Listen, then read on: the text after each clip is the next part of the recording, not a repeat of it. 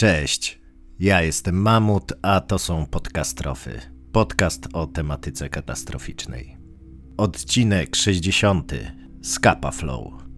Na wstępie chciałbym podziękować Marcinowi, który dołączył do grona moich patronów, a także Łukaszowi oraz Dorocie, którzy zdecydowali, że chcą mnie patronować od razu na długie miesiące do przodu. Dziękuję także za wszystkie kawy, które są napędem i smarem tego podcastu. Także podziękowania lecą do Tomasza, Mateusza, Łukasza, Grzegorza, KR, Lighthouse HR, Michała, Słodkiej Olgi, Przemka oraz Marty. Jesteście moimi dealerami kofeiny.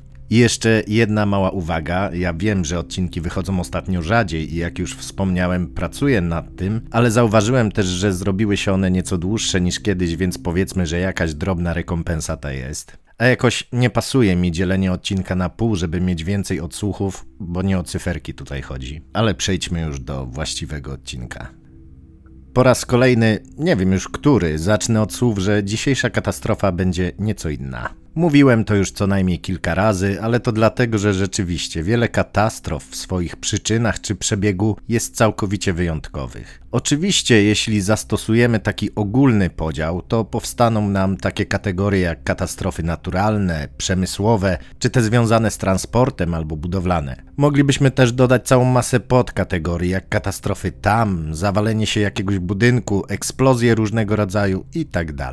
Ale przypinanie jakichkolwiek łatek nie ma chyba większego sensu, bo mnie, a skoro słuchacie mojego podcastu, to was zapewnie też, interesuje historia, jaka się pod danym wydarzeniem kryje. A każda historia jest w jakiś sposób wyjątkowa i jak wspominałem w pierwszym odcinku serii kolejowej, można opowiedzieć ją na różny sposób. Więc dlaczego dzisiejsza jest wyjątkowa? Bo była to chyba największa katastrofa morska w historii nowożytnej, mimo że zginęło zaledwie kilka osób, a całość była szczegółowo zaplanowana i przeprowadzona z premedytacją.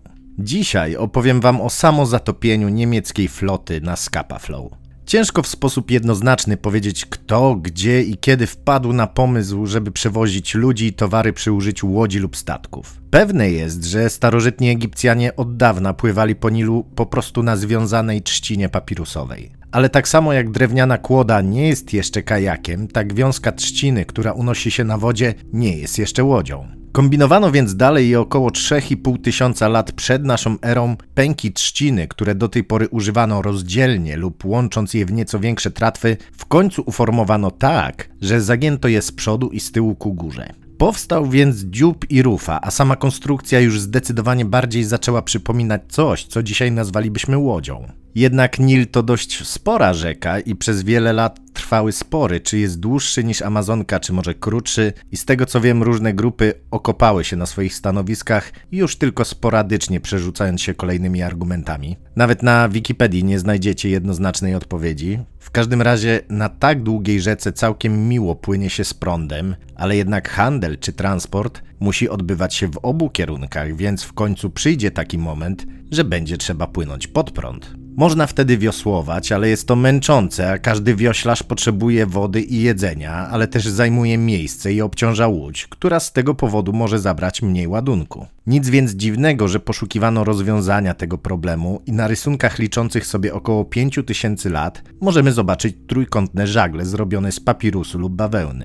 Praktycznie takie same łodzie, tylko nieposiadające żagla budują do dzisiaj Indianie mieszkający nad jeziorem Titicaca. Nazywają je Totora. Możliwe, że wynaleźli je w podobnym okresie co Egipcjanie. Nie wiadomo jednak, czy jedni lub drudzy byli pierwsi. W 2001 roku świat obiegła informacja, że Robert Ballard, czyli ten sam gość, który odnalazł wrak Titanica, odkrył w Morzu Czarnym łódź zrobioną z drewna wiązu, której wiek szacowany jest nawet na 7000 lat. Tutaj jednak byłbym ostrożny, bo nie znalazłem więcej informacji na ten temat, mimo że znalezisko planowano poddać datowaniu przy użyciu izotopu węgla C14. Jakoś temat dziwnie umarł, a pan Bożydar Dimitrow, szef Narodowego Muzeum Historycznego w Sofii, co jakiś czas informuje, że znaleziono najstarsze to czy tamto. W 2001 roku mówił o wspomnianej łodzi, w 2014 o najstarszej na świecie złotej monecie znalezionej również w Morzu Czarnym, a w 2016 o odkryciu najstarszego w Europie miasta, które miało znajdować się niedaleko dzisiejszej Warny. Strasznie dużo tych naj. W każdym razie od tego czasu zaczęła się era eksploracji wód. Początkowo tych bliższych, by potem były one coraz dalsze, bo wraz z rozwojem technologii ludzkość coraz śmielej oddalała się od brzegu. Po drodze byli Fenicjanie, Grecy, Rzymianie, Wikingowie i wiele innych nacji. Były galery, drakary, kogi, galeony, pancerniki, łodzie podwodne, lotniskowce i cała masa statków przeznaczonych do przewożenia ładunków, których wymienianie zajęłoby sporo czasu, ale zupełnie nic by nie wniosło. Ale mając statki, potrzebne jest miejsce, gdzie mogą się schronić podczas sztormu, albo gdzie można rozładować jedne towary i załadować inne. Generalnie przez setki i tysiące lat ich rozmiary pozwalały na to, żeby je zwyczajnie wyciągnąć na brzeg i tam dokonać napraw lub przeczekać złą pogodę, ale nie zawsze było to rozwiązanie praktyczne z różnych względów. Statek pełen ładunku ciężej jest wyciągać, podobnie zresztą wodować. Natomiast okręty wojenne lepiej, żeby były w pogotowiu, a nie wylegiwały się na plaży. Zwłaszcza jeśli cały nasz system wczesnego ostrzegania sprowadza się do gościa, który po prostu wypatruje na horyzoncie wrogich okrętów. Konieczne stało się więc znalezienie miejsca, gdzie statki mogą przycumować i czekać lub prowadzić wymianę handlową bez wyciągania z wody. Tak powstały porty. Po łacinie nazywano je portus i oczywiście stąd zaczerpnęliśmy tę nazwę do naszego języka, ale wcale nie oznacza to, że Rzymianie byli pierwsi. Skoro prawdopodobnie najstarsze łodzie pochodzą z Egiptu, to wielce prawdopodobne jest, że znajdziemy tam najstarszy port. Ma on 4,5 tysiąca lat i leżał około 180 km na południe od Suezu, czyli nad Morzem Czerwonym, tak mniej więcej w jednej trzeciej długości dzisiejszej Zatoki Sueskiej. Co ciekawe i zupełnie nie na temat, to znaleziono tam także papirusy związane z budową piramidy Cheopsa. Były to głównie umowy handlowe i sprawozdania kupca Merera z podróży do kamieniołomów w Turach. Potwierdza to, że tak ogromnych konstrukcji jak piramidy nie dało się wznieść bez sprawnie działającego państwa i całego aparatu biurokratycznego. Odnosząc to do naszych realiów, facet notował postępy prac, rozliczał dostawy budulca i opisywał służbowe wyjazdy. W każdym razie początkowo starano się wykorzystywać naturalne ukształtowanie terenu i zakładano porty w zatokach lub ewentualnie ujściach rzek. Każdy interesujący się historią słyszał o bitwie pod Salaminą z 480 roku przed naszą erą, kiedy to flota ateńska pokonała perską. A gdzie na co dzień stacjonowała flota tego greckiego polis? zaledwie kilka kilometrów dalej, w porcie Pireus, który był portem wojennym i handlowym, oddalonym o zaledwie 8 kilometrów od Akropolu. Oczywiście znajdował się w zatoce, których zresztą w Grecji nie brakuje. Ale co zrobić, jeśli teren nie jest tak sprzyjający? Jeśli nie ma tak dogodnej lokalizacji jak Pireus czy maltańska Valetta? Co jeśli jesteśmy Rzymianami i dogodne miejsca są albo sporo dalej na północy, albo na południu, a akurat w okolicy wiecznego miasta wybrzeże jest płaskie i proste? No cóż, trzeba sobie radzić z tym, co jest pod ręką. Na szczęście przez miasto przepływa Tyber. Nie jest może największą i najbardziej spławną rzeką, ale powinien wystarczyć. Część towarów można dowozić bezpośrednio do Rzymu. Jeśli wody w rzece jest za mało, jeśli miejskie magazyny są pełne, jeśli chcemy poczekać ze sprzedażą towaru na lepszy moment, to możemy przybić do nabrzeży w Ostii, która leży zaledwie 26 km od centrum, od samego Forum Romanum. Tutaj są magazyny, tutaj prowadzi się handel na wielką skalę, a do miasta towary zabiorą mniejsze jednostki albo w dalszą drogę udadzą się już drogą lądową, po świetnie utrzymanej Via Ostiense.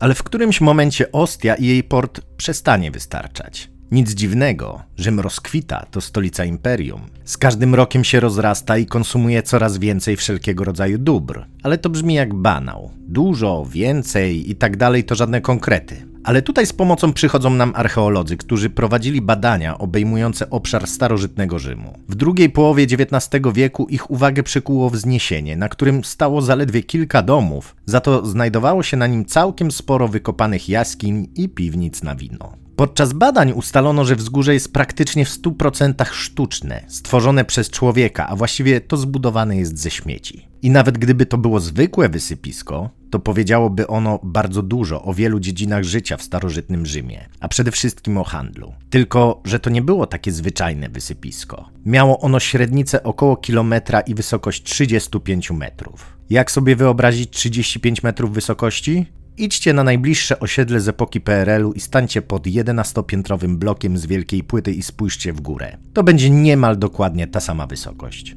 Było i w sumie nadal jest ono ogromne, jeśli uwzględnimy, że powstało 2000 lat temu. Ale jest w nim coś jeszcze bardziej niezwykłego. Otóż w całości składa się tylko i wyłącznie ze skorup amfor służących do transportu oliwy. Obliczono, że może się tam znajdować aż 53 miliony amfor rozbitych na kawałki. Przywieziono w nich niemal 6 miliardów litrów oliwy, co oznacza, że każdego roku funkcjonowania tego wysypiska do miasta musiało trafić 7,5 miliona litrów tego produktu, który był sprzedawany lub rozdawany obywatelom, a amfory, które były zbyt duże i nieporęczne, żeby obracać nimi w handlu, po prostu tłuczono i gruz ten wysypywano na hałdę, która rosła od I wieku przed naszą erą do połowy III wieku naszej ery. Można więc powiedzieć, że Rzymianie byli prekursorami w jednorazowym wykorzystywaniu naczyń. Ale to, co jest w tym gruzowisku ciekawe, to fakt, że można ustalić miejsce pochodzenia tych naczyń. Rozbudowana biurokracja, która dzisiaj doprowadza nas często do szału, okazuje się czasem bardzo pomocna w badaniach historycznych. Każdy pojemnik musiał być oznakowany zgodnie z obowiązującym standardem. Musiały się tam znaleźć informacje takie jak waga pustej amfory, masa oliwy, imię i lokalizacja producenta. Ponadto osoby sprawujące nadzór nad ważeniem i opieczętowywaniem zawartości również musiały się podpisać. Wiemy dzięki temu, że większość oliwy pochodziła z południowej Hiszpanii, ale nie był to jedyny kierunek, z jakiego przypływała i można tam znaleźć naczynia pochodzące właściwie z całego basenu Morza Śródziemnego. Ale to tylko jeden produkt, ogromnie ważny, ale jednak jeden a zboże, a wełna na ubrania, a stal na uzbrojenie, a szkło, złoto, marmur i inne towary luksusowe, to wszystko trzeba było sprowadzać. A port w Ostii jest jeden i jego możliwości są wykorzystane do maksimum. Dlatego w 46 roku naszej ery cesarz Klaudiusz nakazuje budowę nowego portu, 4 km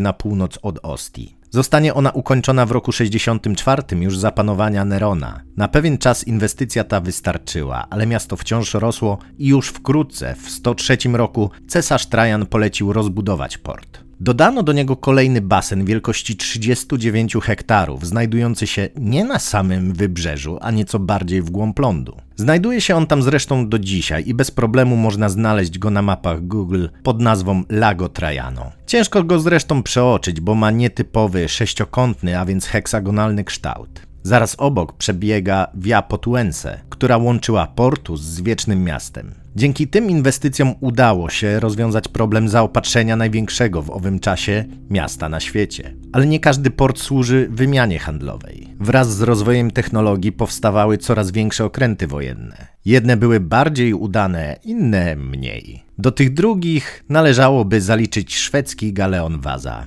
To w ogóle jest ciekawa historia. Generalnie sprowadza się ona do tego, że król szwedzki Gustaw II Adolf dość mocno wtrącał się w budowę okrętu i życzył sobie, aby był on bogato zdobiony oraz był wyposażony w ogromną, jak na tamte czasy, liczbę 64 dział. Jednak oznaczało to znaczne zwiększenie masy statku, a przy okazji przesunięcie jego środka ciężkości wyżej, co jak wiadomo znacząco wpływa na stabilność całości ale najprawdopodobniej w obawie przed gniewem króla nie zwrócono uwagi na te szczegóły. Okręt zostaje zwodowany latem 1628 roku. Próby stateczności w pewnym momencie przerwano z obawy, że wywróci się on jeszcze w porcie. Mimo to admirał Fleming dopuści go do prób morskich zaplanowanych na 10 sierpnia. Jak myślicie, co mogło pójść nie tak? Oczywiście Waza po przepłynięciu niecałej mili morskiej, kiedy tylko opuścił zaciszne wody sztokholmskiego portu, dostał boczny podmuch wiatru, przechylił się na lewą burtę, nabrał wody i poszedł na dno. 333 lata później, w roku 1961, zostanie on wydobyty, poddany długotrwałemu procesowi zabezpieczania i restauracji i od 1990 roku można oglądać go w Muzeum Wasa w Djurgården w Sztokholmie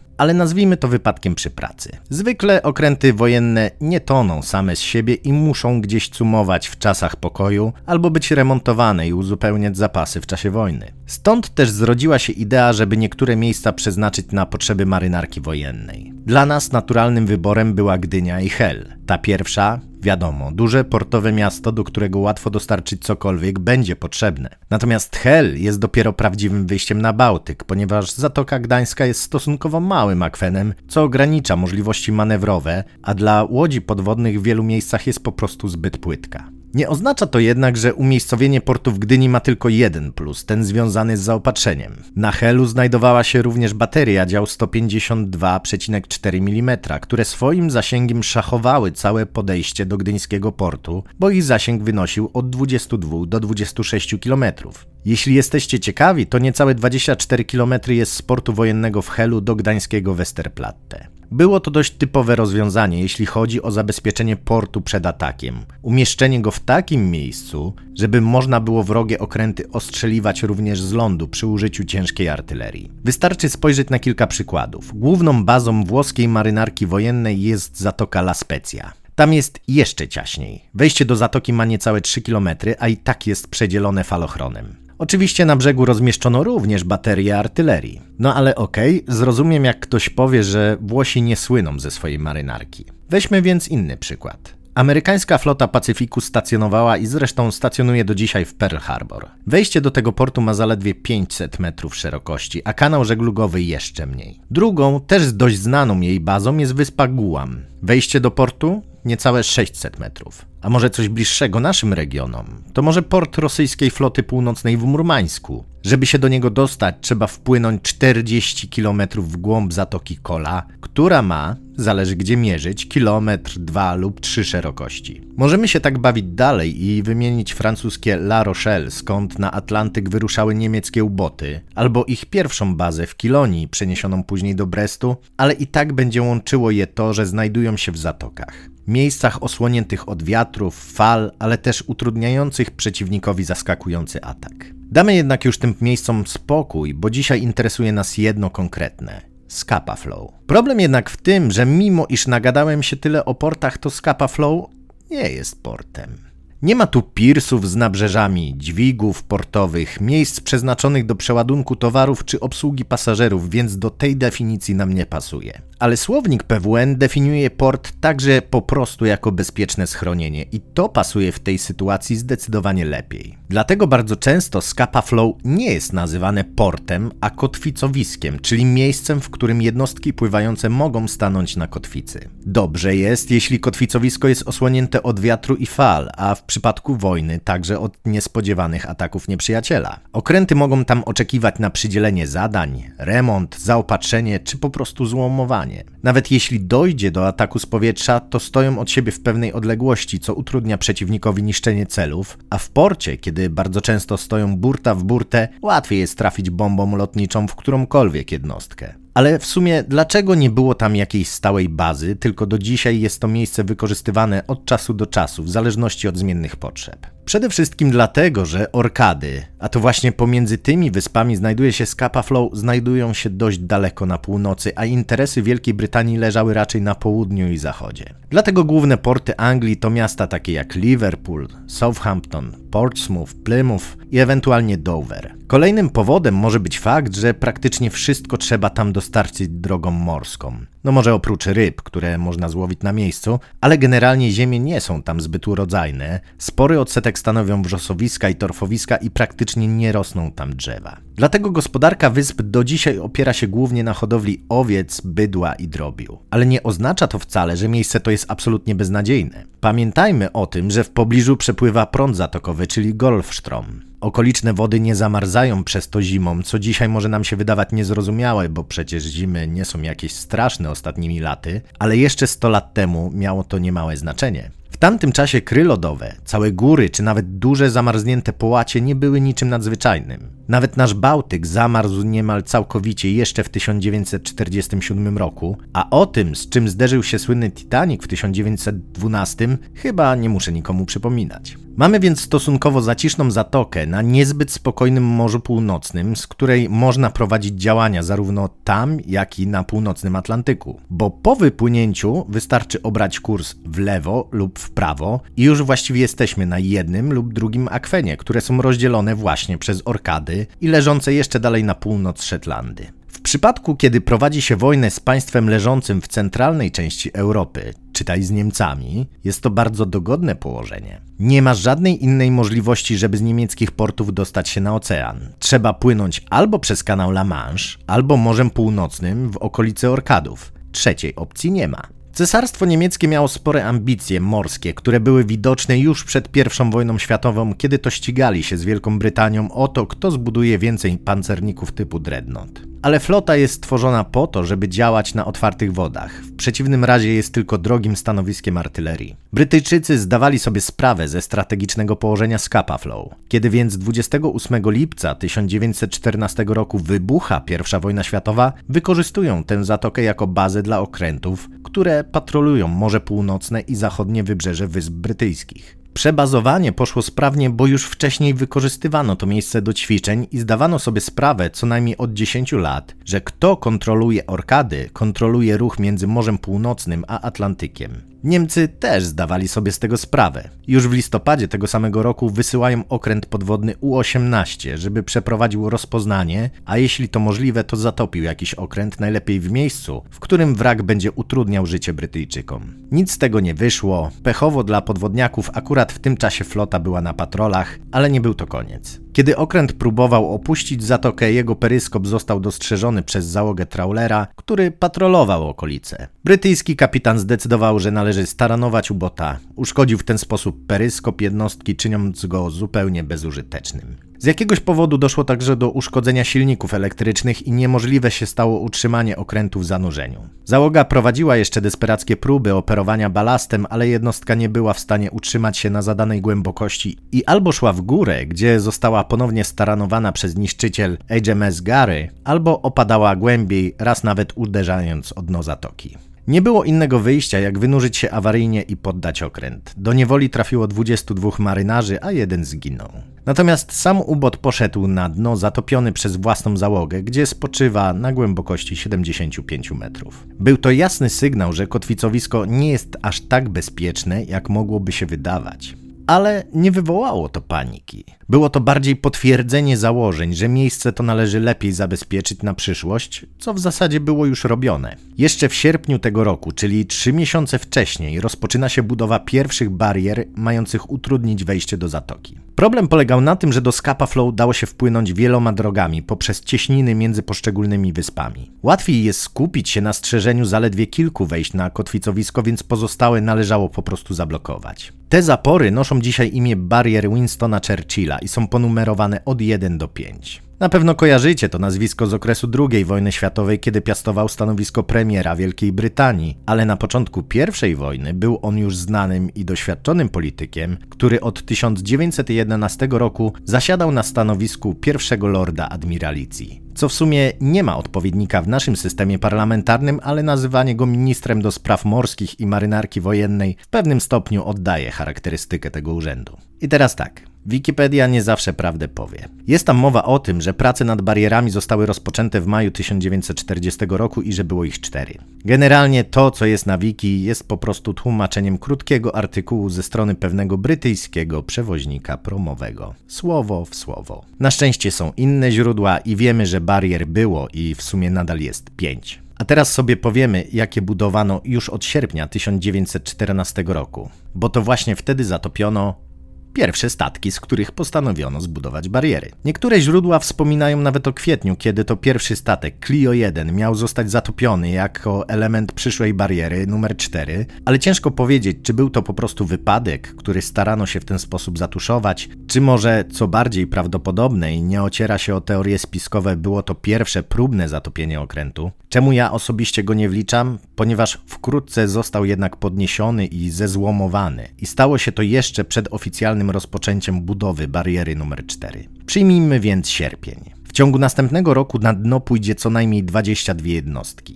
Nie było to może rozwiązanie idealne, ale za to było szybkie i mimo wszystko działało. Mało tego, Rozwiązanie to uznano za na tyle dobre, że podczas II wojny światowej na dno pójdzie kolejne 22 statki, które będą tworzyć bariery. Potem w te miejsca trafią betonowe bloki, powstaną groble, a na nich zostaną poprowadzone drogi. Ale proces ten zakończy się dopiero po zakończeniu wojny. Dokładnie 4 dni po zwycięstwie aliantów w Europie. Ale nas interesuje okres o jedną wojnę światową wcześniejszy. Kiedy już z grubsza zablokowano te wejścia do zatoki, które zostały uznane za zbędne, zaczęto zabezpieczać podejścia, z których miała korzystać brytyjska flota. Stosowano siatki przeciwko okrętom podwodnym, różnego rodzaju miny morskie, jak i ładunki detonowane z brzegu. Stawiano punkty obserwacyjne i stanowiska artylerii. Pojawia się pytanie, na ile te zabezpieczenia były skuteczne. Ciężko na nie jednoznacznie odpowiedzieć. Wiadomo tylko o jednej próbie kolejnego ataku ubota, jaka miała miejsce 28 października 1918 roku, czyli na dwa tygodnie przed zakończeniem wojny. Tym razem okręt UB-116 miał wpłynąć na minę odpaloną elektrycznie z brzegu i pójść na dno z całą 36-osobową załogą.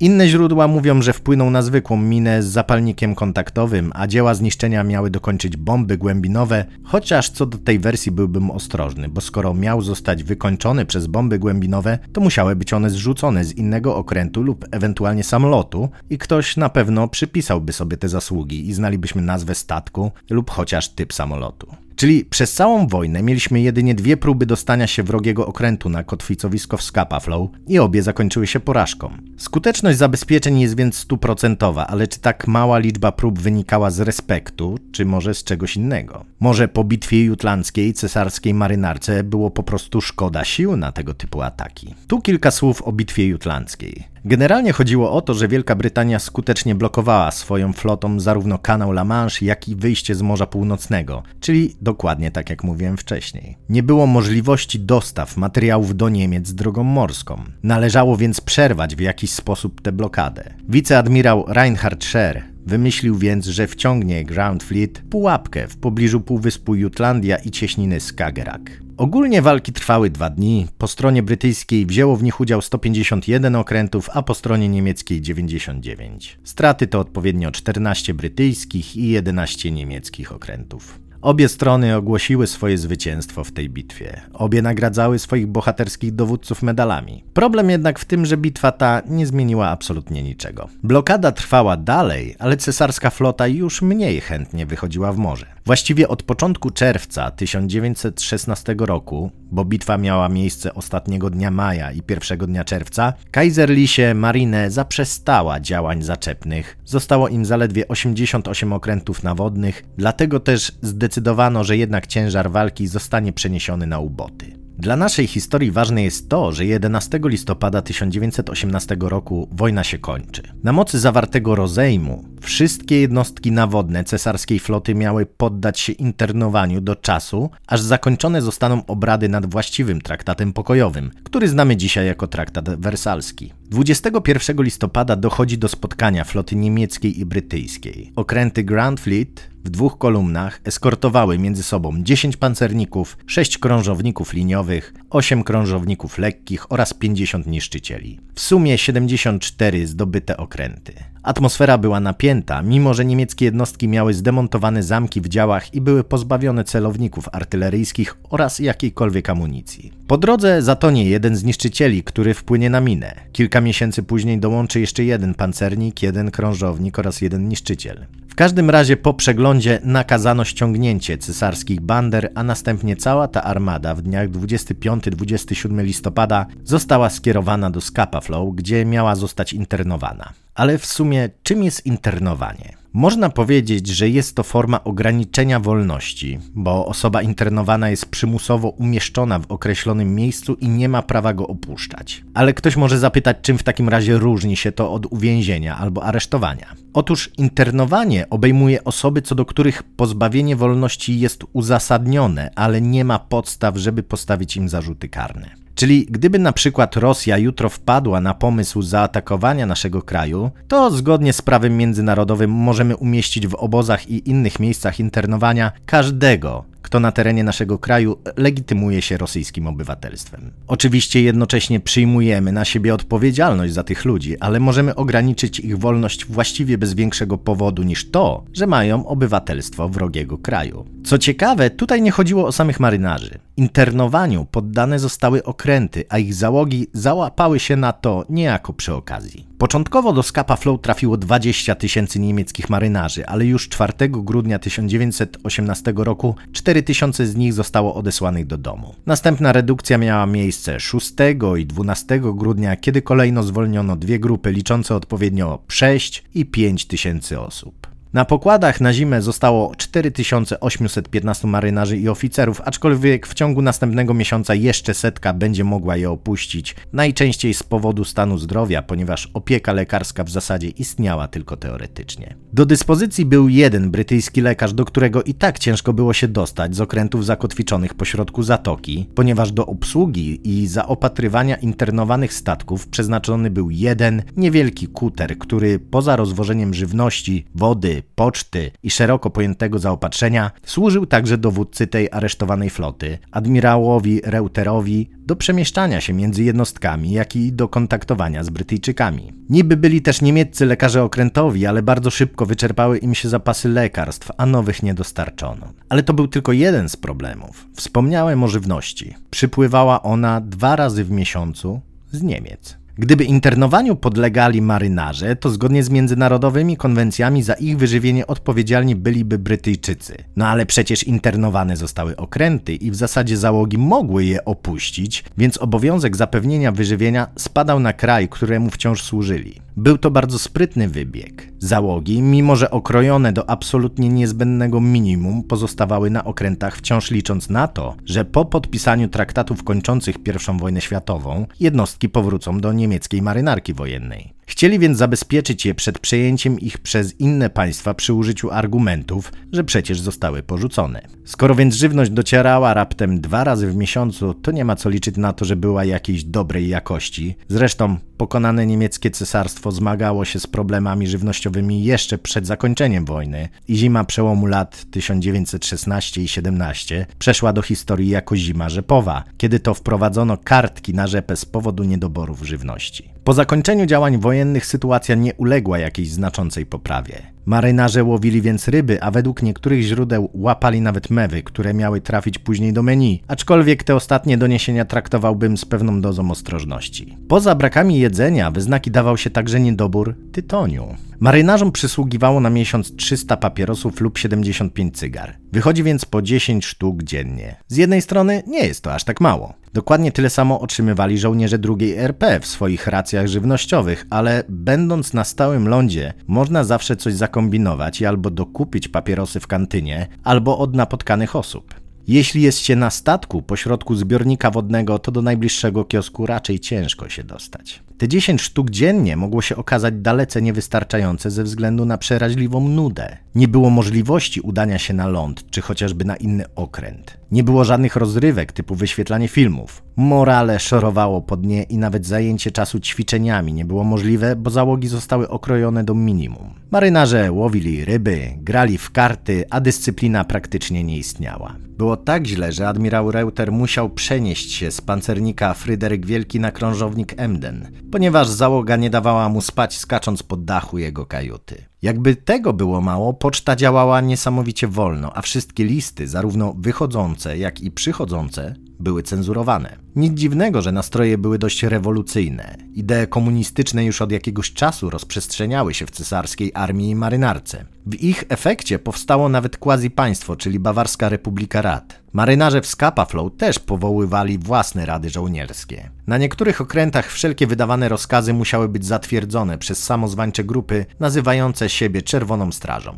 Było bardzo źle a wieści docierające z kontynentu, mimo że starano się je jak najmocniej cenzurować, wcale nie były dobre. Przecieki z paryskiej konferencji pokojowej mówiły, że Francja oraz Włochy chcą po jednej czwartej okrętów dla siebie. Co było zresztą prawdą, bo takie żądania zostały wysunięte, ale nie było w tym temacie zgody wśród sojuszników. Brytyjczycy woleliby po prostu zniszczyć aresztowaną flotę, niż miałaby ona posłużyć do wzmocnienia innych krajów. Jak widać, polityka mocarstw nie opiera się na przyjaźni, a raczej chodzi po prostu o partykularne interesy. Nie muszę chyba dodawać, że oba te rozwiązania nie podobały się niemieckim niemieckim marynarzom. Oczywiście rozmowy w Wersalu trwały długo. Paryska konferencja pokojowa rozpoczęła się 18 stycznia 1919 roku, więc nic dziwnego, że do czasu podpisania przez Niemcy traktatu w ostatecznej formie, co nastąpiło 28 czerwca tego samego roku, krążyły w społeczeństwie różne plotki i domysły, jaki będzie kształt porozumień. W ogóle, jeśli chcielibyście posłuchać czegoś na temat I wojny światowej oraz samego traktatu, to już dawno zostało to opowiedziane w podcaście Lekcja Historii. My nie będziemy się w to aż tak zagłębiać, ale musimy mieć świadomość, jak napięta i niepewna była sytuacja w całej Europie. Mimo zawieszenia broni obowiązującego od 11 listopada 1918 roku, to niemal wszystkie kraje trzymały przysłowiowy palec na spuście. Od wejścia w życie zawieszenia broni cesarstwo niemieckie wciąż było objęte blokadą morską i według niektórych badaczy z powodu tejże blokady do dnia podpisania traktatu zmarło 100 tysięcy osób. A nie oszukujmy się, nie da się w 100% cenzurować wszystkich wiadomości i marynarze w Scapa Flow wiedzieli w dużej mierze, co się dzieje, a jeśli czegoś nie wiedzieli, to sobie dopowiedzieli. Postanowili, że skoro flota najprawdopodobniej zostanie Niemcom odebrana, to po prostu nikt jej nie dostanie, a nawet jeśli ją dostanie, to na pewno nie za darmo. W maju rozpoczęły się przygotowania do zatopienia floty. A żeby być dokładniejszym, to rozpoczęły się przygotowania do jej samozatopienia. Nie wiemy do końca, czy polecenia przyszły z Niemiec, czy może była to decyzja podjęta przez admirała Reutera na miejscu. Wiele lat później admirał Reder napisał, że Reuter był informowany, że ma zatopić flotę za wszelką cenę. Nie da się tego w żaden sposób zweryfikować, natomiast wiemy, że 18 czerwca 1919 roku po wszystkich okrętach zakotwiczonych w Scapa Flow rozchodzi się rozkaz, którego paragraf 11 brzmi: Moim zamiarem jest zatopienie statków tylko wtedy, gdy wróg spróbuje przejąć je w posiadanie bez zgody naszego rządu. Jeśli nasz rząd zgodzi się w warunkach pokojowych na poddanie statków, wówczas statki zostaną przekazane ku trwałej hańbie tych, którzy postawili nas w takiej sytuacji. Można powiedzieć, że wykorzystano nadarzającą się okazję. I to podwójnie. Tego dnia kolejna grupa marynarzy miała zostać zwolniona do domów. Kuter, który ich odbierał, został wykorzystany do dostarczenia rozkazu, ponieważ całej operacji doglądał jeden z oficerów z najbliższego otoczenia admirała. Ale osoby, które zostały wpisane na listę tych, którzy zostaną zwolnieni, także nie były przypadkowe. Można powiedzieć, że pozbyto się tych marynarzy, co do których była wątpliwość, że wykonają rozkaz samozatopienia swojego okrętu. Mając tylko lojalnych członków załóg, można było przygotować okręty do ich ostatniej podróży na dno zatoki. Przecinano rury, niszczono grodze i robiono otwory w zbiornikach. Wszystko po to, żeby w ostatniej chwili otworzyć tylko zawory znajdujące się w kadłubie, na przykład te na rurach doprowadzających wodę chłodzącą silniki, żeby okręt jak najszybciej poszedł na dno, ponieważ wiadomym było, że Brytyjczycy spróbują jakoś temu przeciwdziałać i jeśli zatonięcie będzie trwało zbyt długo, to jest szansa, że uda im się temu jakoś zapobiec. Nacinano też liny cumownicze, żeby prądy, które w Scapa Flow są dość silne, mogły znieść okręty albo na głębszą wodę, albo po prostu w bardziej niedogodne miejsce.